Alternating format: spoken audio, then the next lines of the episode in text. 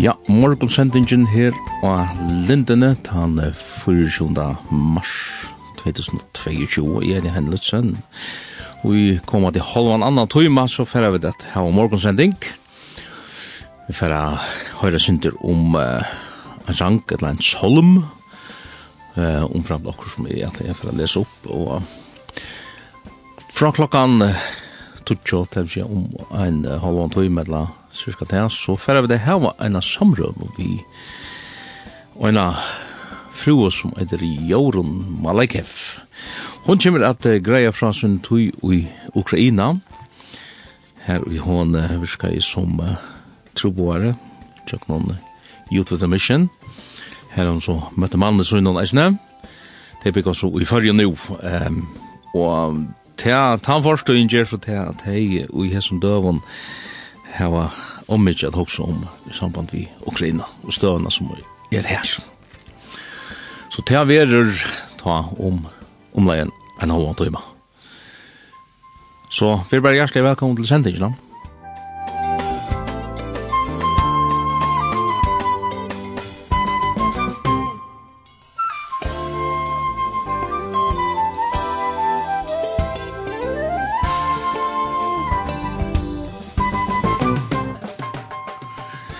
Ja, at byrja vi i særsendingene ferdig i at lesa et lydebrot ur Lukas 12.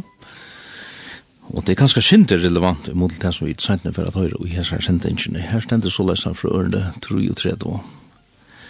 Men ein samverje, og i vera fer, kom til hans herra Da han sa han, tikk til honom hjertalige sint og i honom. Han får ivi til hans herra bant om svar hansara, og let olje og vin ui tei. Så lytte han han opp av sitt egna dyr, for til gisti hus vi honom og rakti han. Dein etter tog han tvær denarar, gav versten hon her og sier, røk han, og legger du meir ut, så skal jeg leta til få til ta jeg kom i atter. Hvor av hesson trimon tyktist her nu røntest nasti hansara som fallen vær i hendur rånsmanna? Han sier, «Tan og vust jo noen miskun».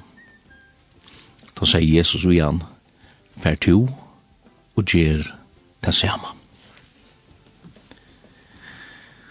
Frasøknen er, ja, som de ganske kjenner ur uh, frasøknen om den her uh, som uh, kallas for hin miskunnsamme Samaribygven og med den her som uh, fattelen var rånsmann henter av vei som man til Jericho. Nu fer av det tåsa vi, eller prata vi, eina damo, etla ena fru, etla ena kono, etla ena jento, jeg vet ikke hva du. Jorun Malaikev, hjertelig velkommen i morgensendingen. Takk for det. Og to er veri her fyrir sida og enn for lengst kjani i i lintene, men til så lengst kjani at du minnes ikke en gang, eller hva? Jeg minnes ikke en gang ordentlig nær det var. Jeg minnes bare at det var mye i arbeid i Ukraina. Ja. Og enn for det vi var i fyrjons for å lukke for å bo her. Ja. Jeg minnes ikke akkurat hva for år det var.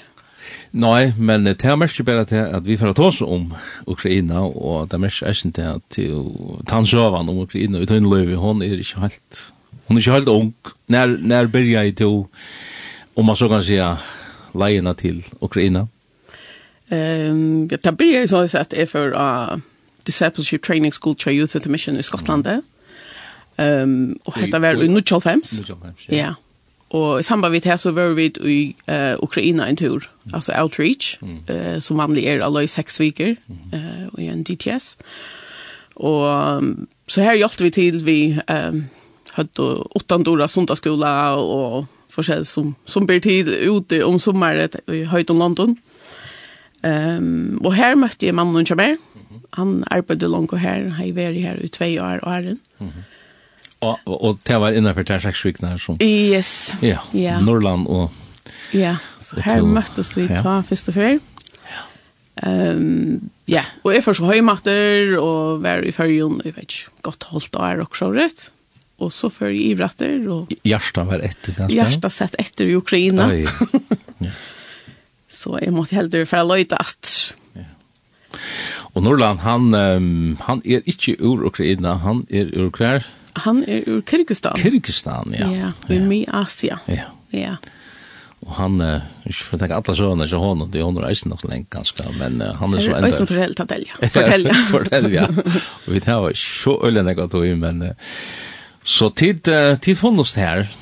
Yes, det gjør du vidt. Ja, så var du vidt. Ja, uh, jeg var her, og han var her, og skriva av sin ratter fram, og så høres. Um, og jeg søkte så om å slippe i retter at uh, arbeidet vi ut til mission her i Ivre. Um, så jeg får i ratter holdt är att nå. Eh alltså hjälpte vi till vi imskon hjälper arbete alltså ge var fallet ut jag gått ner äta. Tar du ganska kommit in i år 2000, vet? Tar vi akkurat kommit in i år 2000. Ja. Ja. Så det hjälper arbete, ja. Ja. Och en förskola som Youth Mission och sin hej här i det. Så hjälpte till vi. Ehm ja, så tar vi det här i några månader. Mhm. Och så gick allt öligt så fyra och vi blev gifta om sommaren. Oj kom til Førje. Kom til Førje, ja. Og ble gift her i Førje. Um, vi var her i Nækra Viker, og så var vi det rett. Ja. ja. Fantastisk.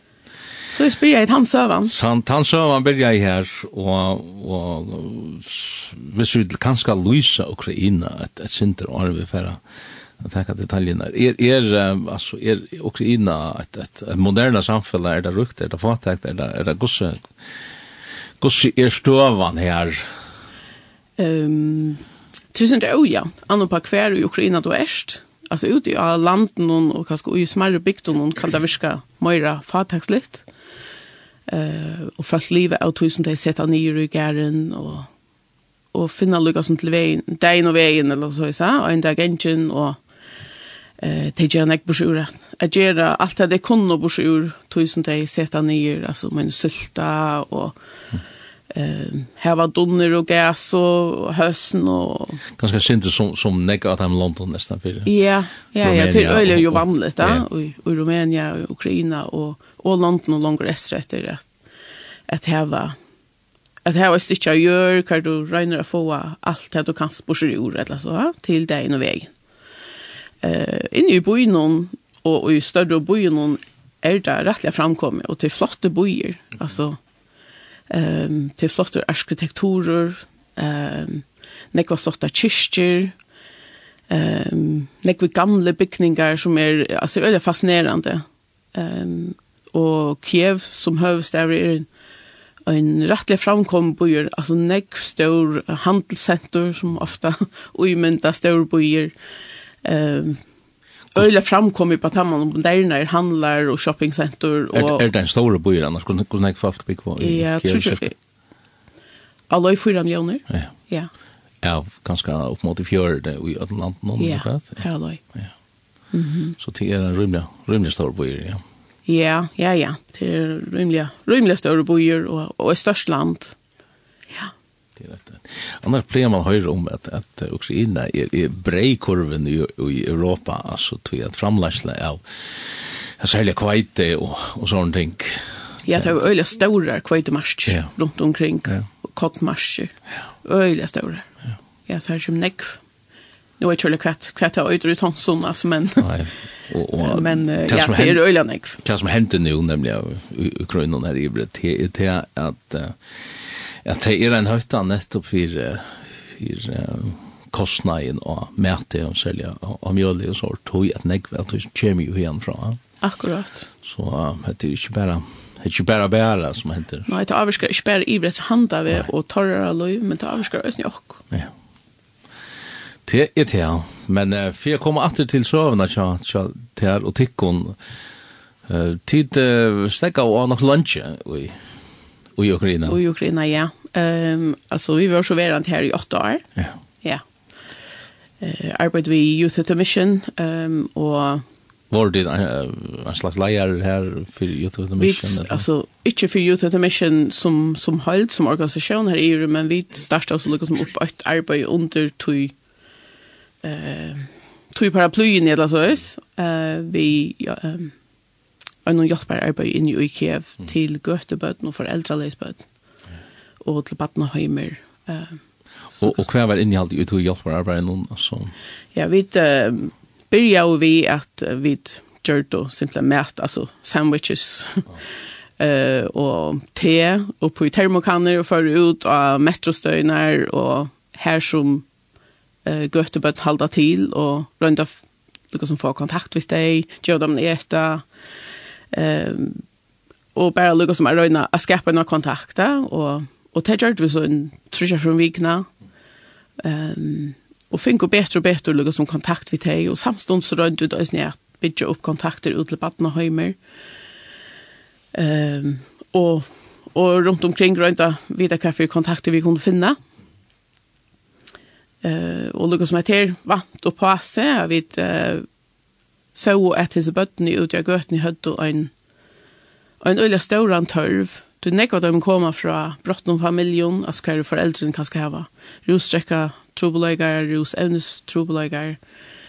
Eh, etter er jo bare så fatøk at de kunne ikke tekka seg av sine bøttene. Um, og tog ofta enda det ut av gøtene. Anten tog det simpelthen er for trobelt av er heima, at det er for harsht, Etla tog at de ikke får noe etter hjemme. Det er nekva av dem som fortalte fra at vet, det her er ikke i køleskapen, og her var ikke høynt, altså. Uh, at de pengene blir brukt på rostrekker, eller rosevner, eller eller annet. Så, Sniffa loim, eller Ja, det er så det som de færre til ja. ofte. Hesebøttene som endte ut i gøttene, det er en bøylig, bøylig måte jeg får seg rett hei. Um, og det er... Um, til er øyelig skæligt for høyland, for kroppen, for kroppsmenning. Um, det er dreper høyla cellene. Ja. ja og det menneskene kan du ikke enda skapa at. Til det øyelig, ja, til, til øyelig hørst. altså. Og, og hva er det så urslidig at du altså, arbeidet ut fra en samkom og, og, um, og kanskje anker, jeg husker om oppfylging av du i, uh, du i arbeidet noen? Ehm um, långt folk. Vi eh hur ska man säga vi arbetar mest under liksom som youth with a mission mm -hmm. och så is och och hött och samband vi nökor ur Ukraina ur samkommun yeah. runt omkring som ösni arbetar samma vi och kon. Ehm um, och liksom med här arbete här blir vi a very under youth with a mission. Och så här så imisk folk är kommen in henne vägen och og har hjulpet til fra Australia, fra Amerika, ur Ukraina og ærestandet fra eh, Ja. Sind nærleggende, men mamma må nå være i her og i min kjær. Ja, nemlig, ja. Ja, det passer, ja. Ja. Sånn det, ja. Ja, han var en pastor av en tøyme her ur Førjen som kom til Ukraina og var jo her, nemlig i outreach fra en discipleship training school. Så det var pastor av, og Eh, ja, det var ordentlig, ordentlig stort litt. Det var så økt tøyme, og vi tatt oss øsne tøymer annars her i hver sommer, så vi alt og til. Det er nok å gjøre. Ja, ja, det er alltid nok å tro i, har man først hver gang. Um, hvordan kommunikerer man her i hver, altså, ukrainsk er det et mål vi seg, altså, er det ikke det samme som russisk? Nei, det er ikke det samme som russisk. Og hva, er det tar seg ditt Eh, russiskt. Russiskt. Ja. Я не понимаю по-русски. Ну, я понимаю. Нет. Чили исчез, eller nej. Nej, nej. Nej. Det gör det. Så, um, det vill säga att, att uh, manliga ukrainaren, han skiljer russiskt, han tåsar russiskt. Ja, det är alla, alla flesta. Ja. Bäge tåsa och skilja russiskt. Ja, det är som, som först och dansk kanske. Ja, och kanske ända sin till närre än det. Ja, ja. Ja, alltså ta Luigi snack mer i uh, uttalelse enn mm -hmm. en dagsföres alltså här ju. Det kanske fast övs dags då norskt ändå. Ja, nämligen kanske så tatt på. Ja. Ja, ja, At det er... det vil si at tid arbeid ut fra samkommen her, här av stenen. En lustlandsborning er är alltså man huxar ofta ju mest när för att att det är man som urslut av, av kommunismen är ölig utbrett men men alltså går sig är att såna olja stöje oj oj Ukraina. Ja, nå her är det ortodox tryggvande. Akkurat. Ja. Det är hva sier man den grunnleggjande eh atjonaven i Ukraina och det som aller flest ehm ja, men ska man säga tacka till syn som syn atrona och lugga som kanske i förjon i allom förjon eh för någon annan så gärna och kanske för tredje var så igen så har man rockna vid det en luthersk show kan man säga och sen har man varit så ut hej ortodox tryggvande. Ja. Samstundes så är det ösnen ekvar. Fru samkommer kommer när, alltså att han har ett kommunismanfall. Mm så er nekvar er samkommer kommer træt rundt omkring, altså det blir med mer fralse at eh ska man ja att praktisera att han har tjuna till över hotell. Det var här som tid så samsar vi vi står yeah. någon Yes. Ja. Yeah. Interessant. Jeg har vi hoa for å spille Sindre Tonleitje, for jeg kvilla øyren i et Sindre Tonleitje, som lortar noen. Um, her er Det er en dame her som heter Kim Walker Smith som tog uh, säga att hon till lörsta efter. Skulle för att prova lörsta efter. skal skulle velge av oss nær? I need you more eller brave surrender. Ja, brave surrender. Han er veldig god. Han er veldig god, Vi får lörsta her etter Kim Walker Smith.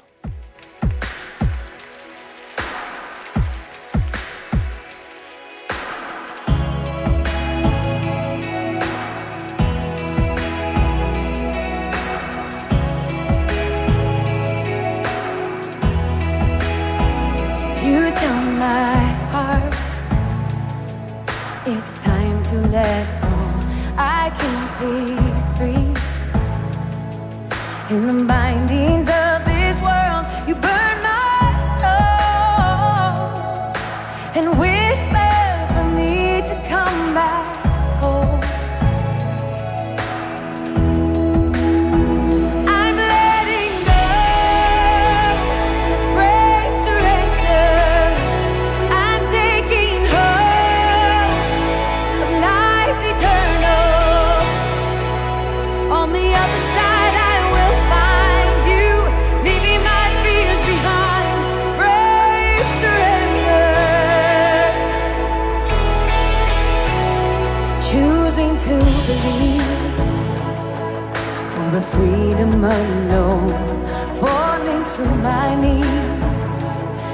I can't win.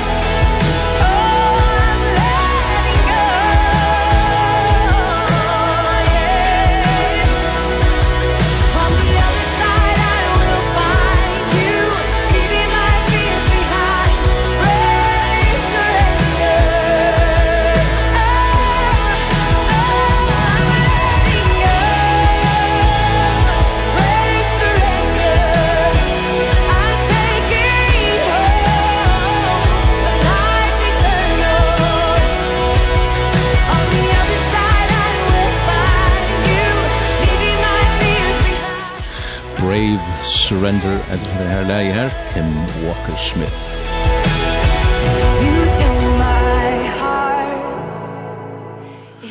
Ja, han den her uh, damen, hon hever samband vi Battle Church, etla Jesus Culture, og til han den vi innlega som hvis man skal plassera hver han den, og hver ei det. Ja, nemlig. Ja. TV så är det Donald till er förjon. Vad har du till? Vad har du till? Han har rötten som du hör på nu hade Jorun Malaker som är gestor i morgonsendingen her av Lindene, av Bilgelangt, og jeg halte vid er og alvorlig av Bilgelangt bæg her, hos kjør samband vi, at uh, tås om Ukraina, til er her og i hånd og Mavre Norland her var virka, i nok sånn jeg var til samans. Det halde jeg også skjedd i nok sånn jeg var. Men nå bygger jeg dit i havn.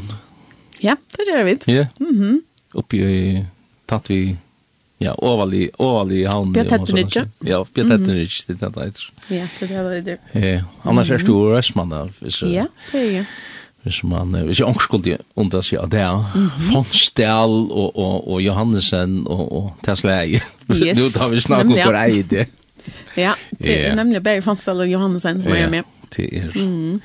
det er här och i det her og til er, så finner vi til på plats. Stovan i Ukraina.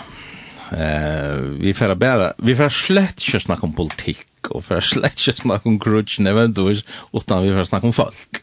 Yes. Tui, uh, er ser stovan? Det är kämpigt folk. Ja, nu då du nämner uh, politik och så så är slett inte experter och så så, så tror för slett inte. Är det ena Jeremy till när kan se för en gång någon kurs politik eller om krutch som så och ehm um, men vi då har ju personliga kontakt vi när folk här i Ivre som vi känner ju jag när arbetschocken som vi var passer av här i Ivre och sett oss då här i Ivre. Ehm så tog jag lika där hjärtan och öliga när alltså hur steg här var det hur kvart hver de er, og at, at de er trygg, og ja, så vidt av daglige kontakt med de, og um, Og hver de er, og ta, ta frem i opp som flytter folk, altså, hver er det? ja. ja. Mm -hmm. Tog at de er noen, tror jeg millioner alltid er trontene som, ja. som er flytt ur landet. Ja, det er det nemlig. Det er for norskast opp mot 20 av, av Ukraina som er rømt. Ja, det er øyne folk. Det er det. Ja, det er øyne folk. Og jeg tror ikke umynda meg, for stille det at jeg kan pjøke på, på nakken, eller i bagasjerom og så bare av sted. Nei, det er ikke lagt å umynda seg, det er simpelthen noe man ikke kan sette seg inn i, for man har opplevd det. Hva det er at heva 20 minutter er samlet til en ting, hva skal du ha vitt der, så du omgå du kommer etter her til, hva tek du så vitt der, og du simpelthen har 20 minutter er leibast det. Det er... Det er den støven som jeg har dømmet av steg i. Og det her, altså, vimfalt jeg tenker, det her er kjenninger, det her er folk som ditt arbeid. Ja, det er folk som vi kjenner personlig, som er akkurat vimfalt. Ja. Og som skal nevne omkring av dem. Ja, endelig, ja. Ja, En av dem som kommer og arbeid sammen med Jokkon, heter uh, Sergei Lissak. Um, at han har noe som har vidt at du arbeider sammen og så, så setter han en samkommet av stånd og teier i det aloi, hundra limer her aloi. Uh, nekvar unga familjer, um, teier sjolver, um, han er akkurat blim fjørt i alt det. Og teier er tru, i bøten, og uh, ja, og bare at jeg relaterer til annars som familjer, og, og hjelpa hver når hun standa saman, og, og så rett. Tei, for nøkken åren så igjen fikk det byggt hus, uh, som er sindre ut fra Kiev, en 4 kilometer utanfor Kjørt og sånne hampelige støtte av en husen, og nå tar jeg så krutje brast av, så gjør det kjøttet av rundt å få fløyre at man er samkomne som kanskje var inne i Kiev, da midt inne i byen, og så da får det ut til søyn. Så her var fløyre som bare flott inn, og på, og på en dag, altså. Um, så tar i hus av en 16 falkene her, og rundt og som organiserer, og jeg hjelper øren, så var det og i øren landspørsten at uh, finne seg et trygt sted å være og så rett. Um, og det var jo så her i nekra deg her, og uh, kjente oss faktisk rymelig trygt, og jeg Så akkurat som ut i bygd eller så att vävren ut till torra hus var bara grus och grus och malt alltså. Så här kom inte tankskörande helt ut här. Så det följde så rymliga tryck.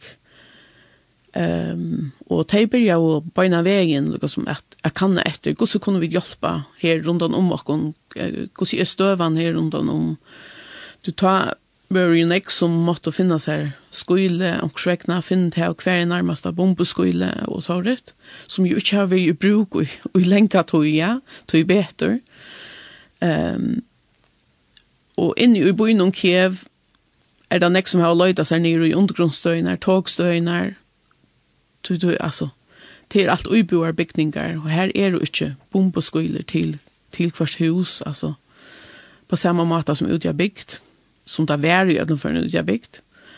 Um, ja, så jeg var øyne jeg folk, altså alt var bare proppa nedi i togstøvene, altså undergrunnsstøvene, og det gong så har jeg kjøtt fyre seg at, at um, at alle handler ble blue atomer för mät allt blue bara skrattningar av hyttene og folk grønne er for fætre at det var ju en hundans fast att om det kom få fätra och så går ju massa ja. Ehm så tog började långt att när jag få att det är att mangla och jag mäter runt omkring och och så falsken som sitter nere i undergrundsstøen var rastløslig og tør ikke færre ut og eh, vidisk kvett ja, ja, her var han mæt etter, men kunne stad ikke fære opplugga som å, å finne seg mæt og sånt. Det er høyt, høyt på, på trygtene, det er høyt på bøtjen, det er høyt på... Nemlig, ja. Så det er tørs pyramidene til Maslow, vi er rettelig, rettelig grunnleggjende her, og vi tar det tørre ikke for nakt der. Ja, det er simpelthen... Og det er, altså, vi, det er bare manus igjen, det er bare, ja, det er godt, ja. Ja, en god manus igjen. Ja det er det er det er alt så öliga nytt. Det er så nytt. Ja, det er alt så öliga nytt. Og og og folk er jo ju så stövna i än alltså. Ja, ja, ja. ja. Du forteller ikke bare så, og du forteller noe kjent. Nei, det her er det som hender beiten. nå. ja. Beiten, ja. ja.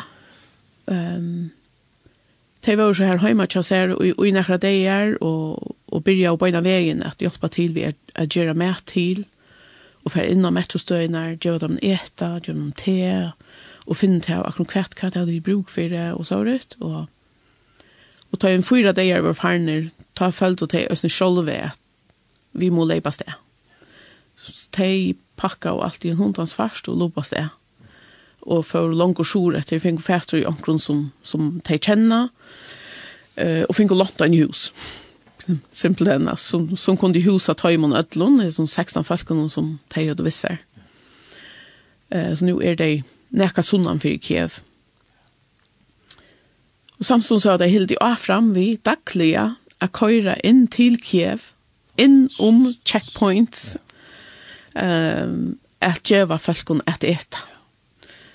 Uh, og nu en dag så hadde de til dømes uh, kjepp nekra kjettlar, altså vanlige kjettlar, og nekra få coachplater, så løs at det är falskene til det, är jo vant at det, at det kom mer og all opp av, av Kiev, at det kunne heve okst her nere, så det kunne gjøre seg til, kjøpt og større vattendunkar, um, og liksom så at det kunne heve at nekra deier, at de får nere her i undergrunnsstøvnen. Uh, så er det basal ting som vi jo bare tar for givet, ja, um, Ja. Nu läser ju Jan i början i sändningen om min miskunnsamma samarjebekvann, men det här är utörslig gärning av tog, kan man säga. Jag tar det skosser. Ja, vad vi sa... Ja, det är otroligt att kunna häva slukt dyrve och... Alltså, vi må ju nervera det sannar heter, alltså att bara sätta allt sitt äckna till vix för att hjälpa öron. Ehm um, lätta upp sitt hjärta av simplen och at uh, røkka ut til alle ånder, hva tøymon tørvar, og at mekna at hava eit iverblikk, at organisera eit såret hjelpar arbeid, ta du stendur mitt og i krutsk. Eh, det kommer ikkje ångastane fra. Nei, og jeg skulle akkurat spørre deg, hva kommer det fra? ja, hva kommer så fra? Hva kommer det fra? Det er en øyelig nøye som skal til, at de fleste kanskje vil det bare, jeg vet ikke hva, blonde skruttan det stedet. Jo, det er jo det som jeg gjør. Altså, det, det er jo, det är farligt. Alltså det, det riskerar sitt egna liv. För jag gjør det etter dagliga. Och det vet ikke om man, vi tar imot. Det vet ikke om en rakett, en missil kommer och plaffar. Ja. Det är så bare nye her som det så. Ja, det är, det är veldig løs. Ja. Och hver kommer som styrke fra? Alltså, i mine er, alltså, det är bara ett svär. Alltså, det er bare god som kan gjøre sånne styrke. At du kan smekne at hava et sort iveskott, at, at du faktisk kan stäva fri inni i uh, hoanen, fri inni i hjertanen, mitt i en krutsk. At organisera hjelp til ånder, at var et iveblikk, at organisera, at skaffa en dag mat, organisera at få hjelparvører ur øren London inn, og og døyla til alt ut, og til testa jeg gjørst daglige, og gjøre enn. Og, og her kanskje nettopp to, og, og maveren kom inn, og tog lige noen her, at uh, få, få hjelp ære stedet fra, tog tid til her, og jo, tikkere parser ligger jo ikke etter det. Hvordan skjer det kjenter? Och som att det så går så nära som vi kunne kunde og, og så sa jeg jag ja, altså eh man kan gjøre nek, og til nekva stedene man kan gjøre, og til en nek som hjelper, til betur, nekva større organisasjoner, og reiekrosser til dømes, som, som hjelper, og til gjøre fantastisk arbeid. Um, og det som akkurat passer er tann at vi, hva skal man si, vi, vi har jo haft tøymer som har vært i Ukraina hver sommer av eh ungom falkon som er komna att hjälpa til vid sommarlevon eh av Batna Höjmon og så rut. Så tog jag det øyelig näck at Høymon som ösn kjenner personlig, at løm som Sergei og andre som vi har var sammen hemma via. Så tog blev det så där när och tog skriva och näck till och hur häva det där. Hur skångur chat dem hver er det häva det da godt, og, og så så så vi stod nå en bølg av Facebook og de som vi kjenner, de som har vært her ivre, og andre som har vært AHA, er pastor hos Belgien, og hva vi så har dølt tøyender her ivre fra. Altså, hva er det gjerne? Og hvordan er det han bakgrunnen av Facebook? Ja, hei, hei vita. Ja, hvordan er det da kattene, ja. Men jeg skilt Tøyender ur Ukraina og stål til Ukraina. Ja. Nekka så løs. Og til jeg merker så, her som stålen her, merker jeg eisen penninger i stål, og kontonummer. Ja, tøyen gjør Ukraina og stol til Ukraina. Ja. Så er det Balkan. Så er det Balkan. Färg på Facebook och checka där ut, och hvis de føler bilderna att ta etter sortje hanta kontonummer här som, som ständer att uh, det är ju en, en, dette kostar ju alltså och och ja, og dette är är er, altså peninger kommer av et torsdag, det kan man si det så där. Ja, altså, det som vi da er just her, at um, akkurat vi hesar i en sauningene, så fer alle peningren att direkta till våra kontakter. Så så vi sent att hem om pengar direkta, alltså Sergej och och Annor Ösne. Ehm um, så är det att de kunne skaffa mat och ja, vi hjelper tøymon på tammaten. Og man kan så si at de som så hjälpa til Øyfarjon, det er farlig inntil en svenkan bok og i undergrunden i ja, Kiev. Ja, alltså og en konto i färjan, pengar flyttar til Ukraina och härifrån ut til folk som hjelper til. Ja. Det är det kan inte göra. Kanske det är Tejlin som är ut och Och ofta när flyerly är och mera drippade på sig allt möjligt andra men här kan man se nästan 100% är Ja, alltså inte på er så är det gosser 100% färre. Alltså, autism som är färre i vart det är färre direkta. Fast det. Ja. Mm. Ja, vi har har ett stort lä att säga till att att jag har också spurningar att säga till då och jag vet jag borde släppa läsen nu men det släpper. Skulle vi få höra synte mera Kim Walker Smith. Är det nu I need you more etla? Ja, han är Jag går så öliga ord. Etla Unstoppable Love. Ja, det är en öliga ord. Ja, du ska... Nej, nej, du ska så välja. Det är till så. Det är till så räv. Men nu. Ja, det var väl den Unstoppable Love. Unstoppable Love, det är så Jesus culture som vi har det här syns.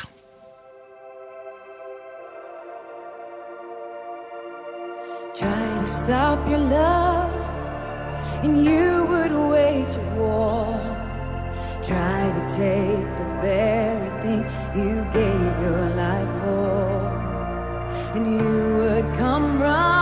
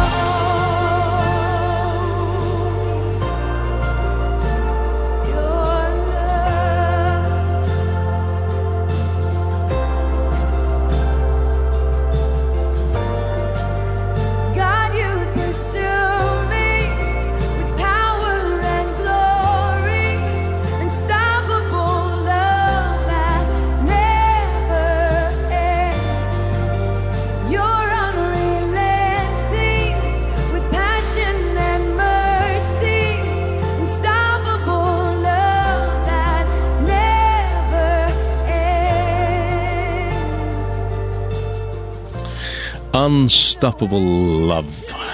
Vi tar her Kim Walker Smith sin jam, til er sammen vi Jesus Culture. Det som du annars lort her etter, til er morgonsendingen her og Lindene, er de heine, og vi tar ein just enn ui utårstående, hun er de åren, Malaika. Og vi tar oss om, vi tar oss om Ukraina, om støvn i Ukraina, men ikke politikk, og ikke nødvendigvis som grudge, men om folk. Folk som du kjenner, Jørgen. Ja, ja. folk som vi kjenner personlig, ja. ja. Mm -hmm. Og tid her var gjørst til nekka av hesson at, uh, at hjelpa, så det er sånn her hesson følelsene som er, og, ja, og nei, kunne, kunne hjelpast. Ja. Innsamling og Ja, eh, vi sätter en insamling av stån och till omväges ehm konto tja eh tja missionsnämndne och i frikyrkan i Oasan. Mm -hmm. Eh här kan man ge pengar. Eh hvis man får in på Facebook så innan tja frikyrkan i Oasan så finner man ett kontonummer här. Eh och vi märker Ukraina så får han stolen direkt till Ukraina. Och som nämnde Johannes så den stolen för så direkta till ter kontakter som vi har personliga i Ukraina. Med Anna Sergej som som du förklarar ja, om. Med Anna. För för annar är annars. Ja, till dem så i um, västra Ukraina är det ju annor som um, ja, man ska ju inte vara kan man säga, alltså kvar folk är då och så rött alltså men uh, Du da var ju så en jag nere som er postet av Facebook och video herfra og härifrån. Att det var også brukt som härna var mal. Mm. Men uh, ja, her er så andre øyne i uh, vestre parten av Ukraina som har tidlig nekv, flytta folk inn ur estre parten av Ukraina, som vi så øyne har stola. Um, så hvis de kunne hjelpe, altså de takker folk inn, som er av ved øyne vestretter, og røyne slipper seg vekk. Og som er bare rømt, altså, her var unga stedet jeg færre, og vi ikke hver det skulle færre.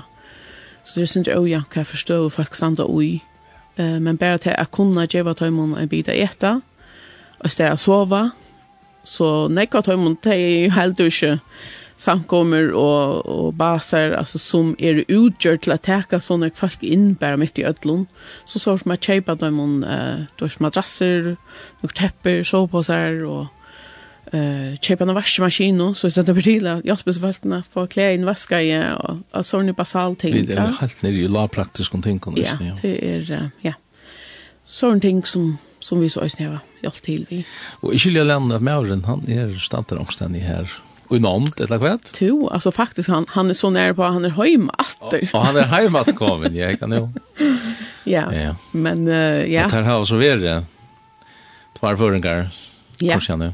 Uh, Leif Andersen tog uh, sti til en tur til uh, Polans og Norrland for vi og noen.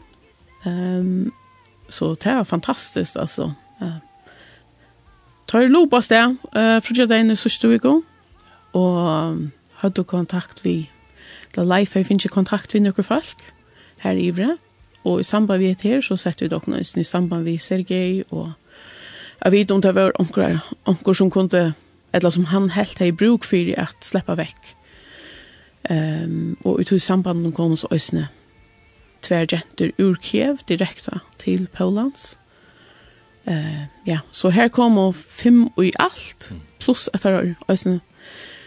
Leif og Norland fikk jo hjalt nøkron øron eh, å få ære kontakter å slippe ut. Altså. Ja fantastiska flott alltså. Det är er, ja, man kan ja, man kan göra en mån och, och kanske det teaches omkring till lydsröst men men väl kan så så är det kanske är ett arbete ändå som vi gör så det vet man så inte.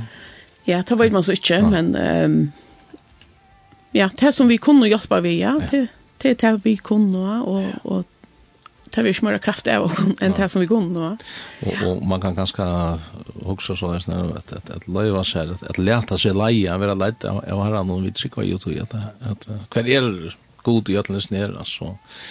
Hver er god i outreach kan man sette smålingene, men han är han är inte lengt vekk, altså han är han är ute och och og han nettopp vil leie den här miskomsamma samverjan. Ja, helt sikkert. Och alltså det bara i hesar stövna han den han lukla sövo det annor eller en av tøymon jenten som som kom ur Kiev og färdades til til Polen så hon är en krutje brast då. Det är en dröm. Hon drömde att hon var undergrund. Ehm um, og og gøymde seg undergrund. Og så mitt i ødlån, så vill hun akkurat tidsen opp, og vi sett i et sted som er grønt og stekka vi grøn og græs og ta pent. Eh, og hugsa i smør om det, eller ja, og det var nok en, en fytte dreimer, eller så løyes. Um, men og, uh, ja, hva det kom det til før jeg? Ja, så i fyrra dagen, ta i teg så lenta i fyrra. Jeg får gasser holdt det der. Jeg ble vi. Ta myntestånden da dreimen at, og si, åh, oh, at han var god som har vurs meg til året Ja. Det är stort att höra alltså. Ja, det är stort och och och vi skiljer kanske inte tingene och och och men vi måste bara hitta hela sagt. Hitta vad det är. Ja, och det är intressant att vara en pastor ja, och kunna att vara ja, en liten prickor i ett sån stora pusselspel nu Det är tross allt alltså hoast yeah. allt och ner. Hoast allt mitt i en krutje och mitt i att det är nej och eländighet så så er god ösni her. Ja, og, og vi kunne være en utrakt hånd og Og han rör och, han rör görstene i jögn allt det här. Helt säkert. Ja. Helt säkert. Och det är näck vad ösni här i det som som har vänt sig till de som hjälpa och spejser gej och, och hinne. Alltså, alltså hur blir det till att de hjälpa kvui? Alltså det skilja det inte. Alltså vad sörn gör det? kvui riskerar det så nek för att kunna hjälpa och Ja. Och det är det god som kräver tydliga styrke. Ja. ja. Man är ett livande vittne alltså. Ja. Ja. ja. Allt riktigt. Vi hjälper dem så god så ska det man det gör. Mm. Oh, vi kunde gott ha sitt lunch och, och prata till det är så mycket gott men uh, jag har lovat där inte att jag gör för lunch out to as larpais men Jordan if jag säger det tusen tack för att du det sätta dig out till en greja så människasliga fra eller fra till människasliga vinklen hon och törskliga Ja, men tack för att du kunde komma. Ja, eh jag var få det åter till att det är säkert nästa som vi kunde ta så men här det kan komma til en, en RFR. Men vi får lukka minna og mølagan til at hjelpa ferdig inn og anten Facebook så Kanskje lukka nevna en president han her sujan som tid hava. Hon yeah. säger hon säger det akkurat det som hon är. Yes. Ja. Ja, alltså en balkor som heter Twin ur Ukraina och stol till Ukraina. Yeah. Det är så balkor som heter såna här kan man finna en post som är setter av overast her, som ber til av stola. Man kan også fære inn av Frukirsten og Asan ja. og Facebook og finne uh, kontonummer her. Akkurat. Mm -hmm. Så kan man gjøre mån, og i tørselja mån enda. Ja. Ja. Vi har sånne åren så får jeg si deg Tusen takk for at du vil komme fra vi, og aller helst vanlig så høres vi datter videre. Vi vet ikke om at det ikke skal stå en menneske, hvordan utvikler seg, og det kan jo være til at, ja, det var tørre enda mer, eller at det stillene er, at vi, vi vet ikke, vi må bare befale oss i herrens hender. Ja, det er ikke å si akkurat hva fremtiden her bjør, men det kan vi ikke spå om, men... Hei, og man sang jo an, lyd atler tvinner leier, og atler hjertet sorg i herrens hånd, som eier alt og alt i himnaborg, og vi kunne lyde oss i han. Joran, jeg får si at tusen takk for det, vi får spille et le at tre, og det kan så videre skulle tenka Kim Walker, en for at det gjør ikke. I need you more, if jeg høyre, hetta det her. Tusen takk for. Sjølver takk.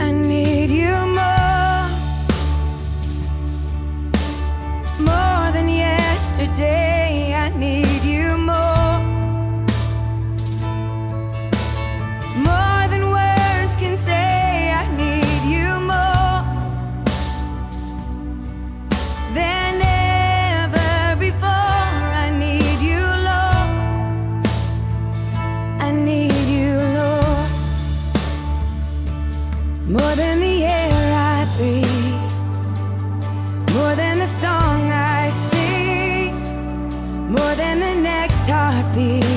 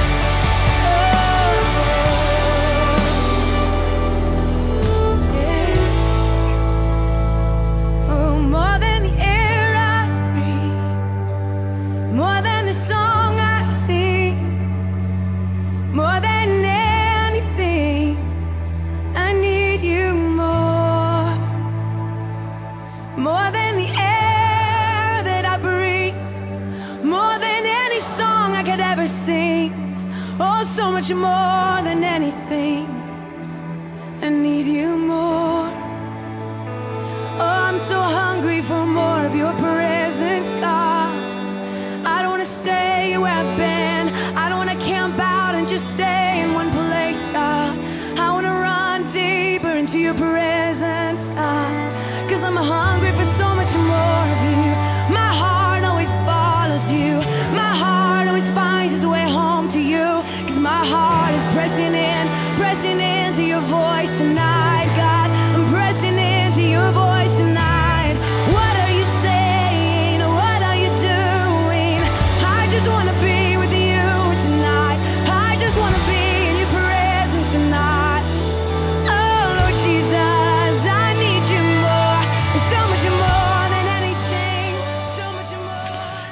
vi høyra her uh, Kim Walker-Smith Sinja Fyriakon Sama vi Battle Music. I Need You More. Hette her er at han har samrøvna vi Jorun Malaikev som uh, var i Udarstående og greide fra personligen støvun og søvun ur Ukraina. Her krutsch her i er uløtne og um, ja, Selja tamparten som uh, hun greide fra hver, hver man fer styrke fra i øtlensen her uh, strøynen at uh, jeg kunne være nekka for andre mennesker så var noen Sergei og, og hans her familie og så fantastisk arbeid i Tegera og så er det mulig for hvordan vi kunne hjelpe til er det økonomisk vidt og Hesen her genren han ja, vi må bare feta han ut til han kører så lunch men det er nok så typisk for sånne lovsanger her. Men det er en annan genre som jeg har i ho at spela og er en i flere rundt av sentingen är og det er verer um, en som er en som er tidsen opp i förrjon og um, det er um, noen år siden, jeg tror ikke det er noen snakk år siden at han ble tidsen opp. Han heter I Need Your Spirit mer tørvar. Anda tøyn og til Bølgren Halal som synger for Jokon til Paul Hansen som synger.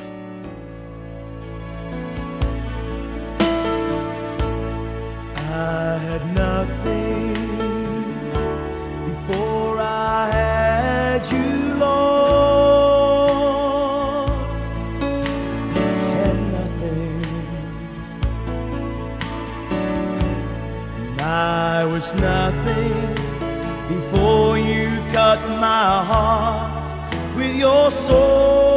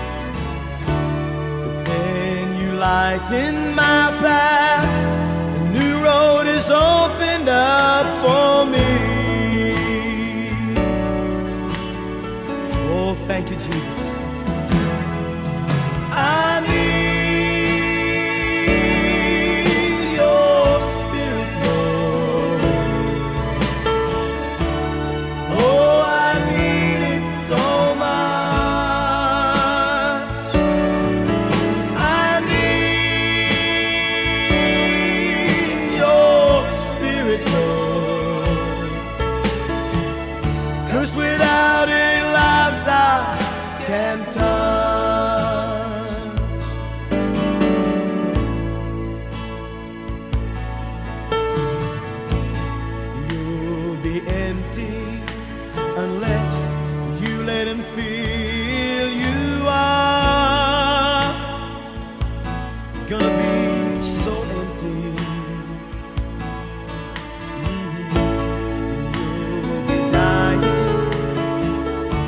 won't you come. Come and drink of this cup.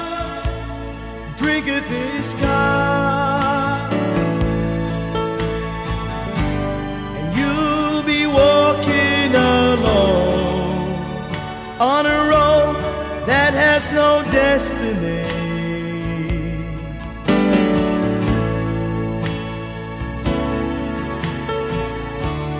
Just let him lighten your path. A new road will open up like for me. Oh yes it will.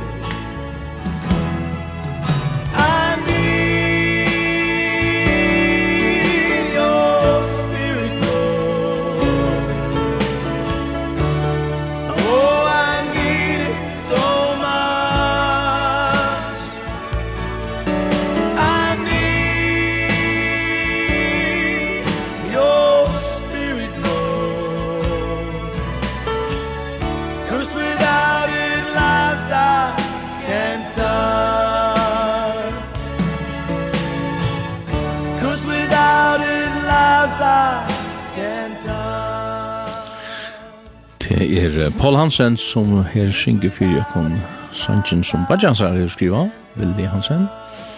Mer tørvar andatoin, nekka såles kundi han idje. Og førskån, i utan andan så kunne vi ikkje nesta eller røra vi luivet tja øron. Og jeg helt at her som sangeren passer jo vel til dette pratet som vi da har haft vi i Jorun Malekhev om støvene tja folk i Ukraina nu, krutjerjer. og enda gos jo i teken å få styrke til at hjelpa åren. Til røkken gods anta, ta i ui, ta i ui vi djev okken iv til herran, og leta han slippe at leia okkara liv, og ro i okkara liv, ta få av kraft fra honom, andans kraft det er som det stender at så det som det er til nere, så, så skal styrke tog vera. Vi får en styrke til kvann det.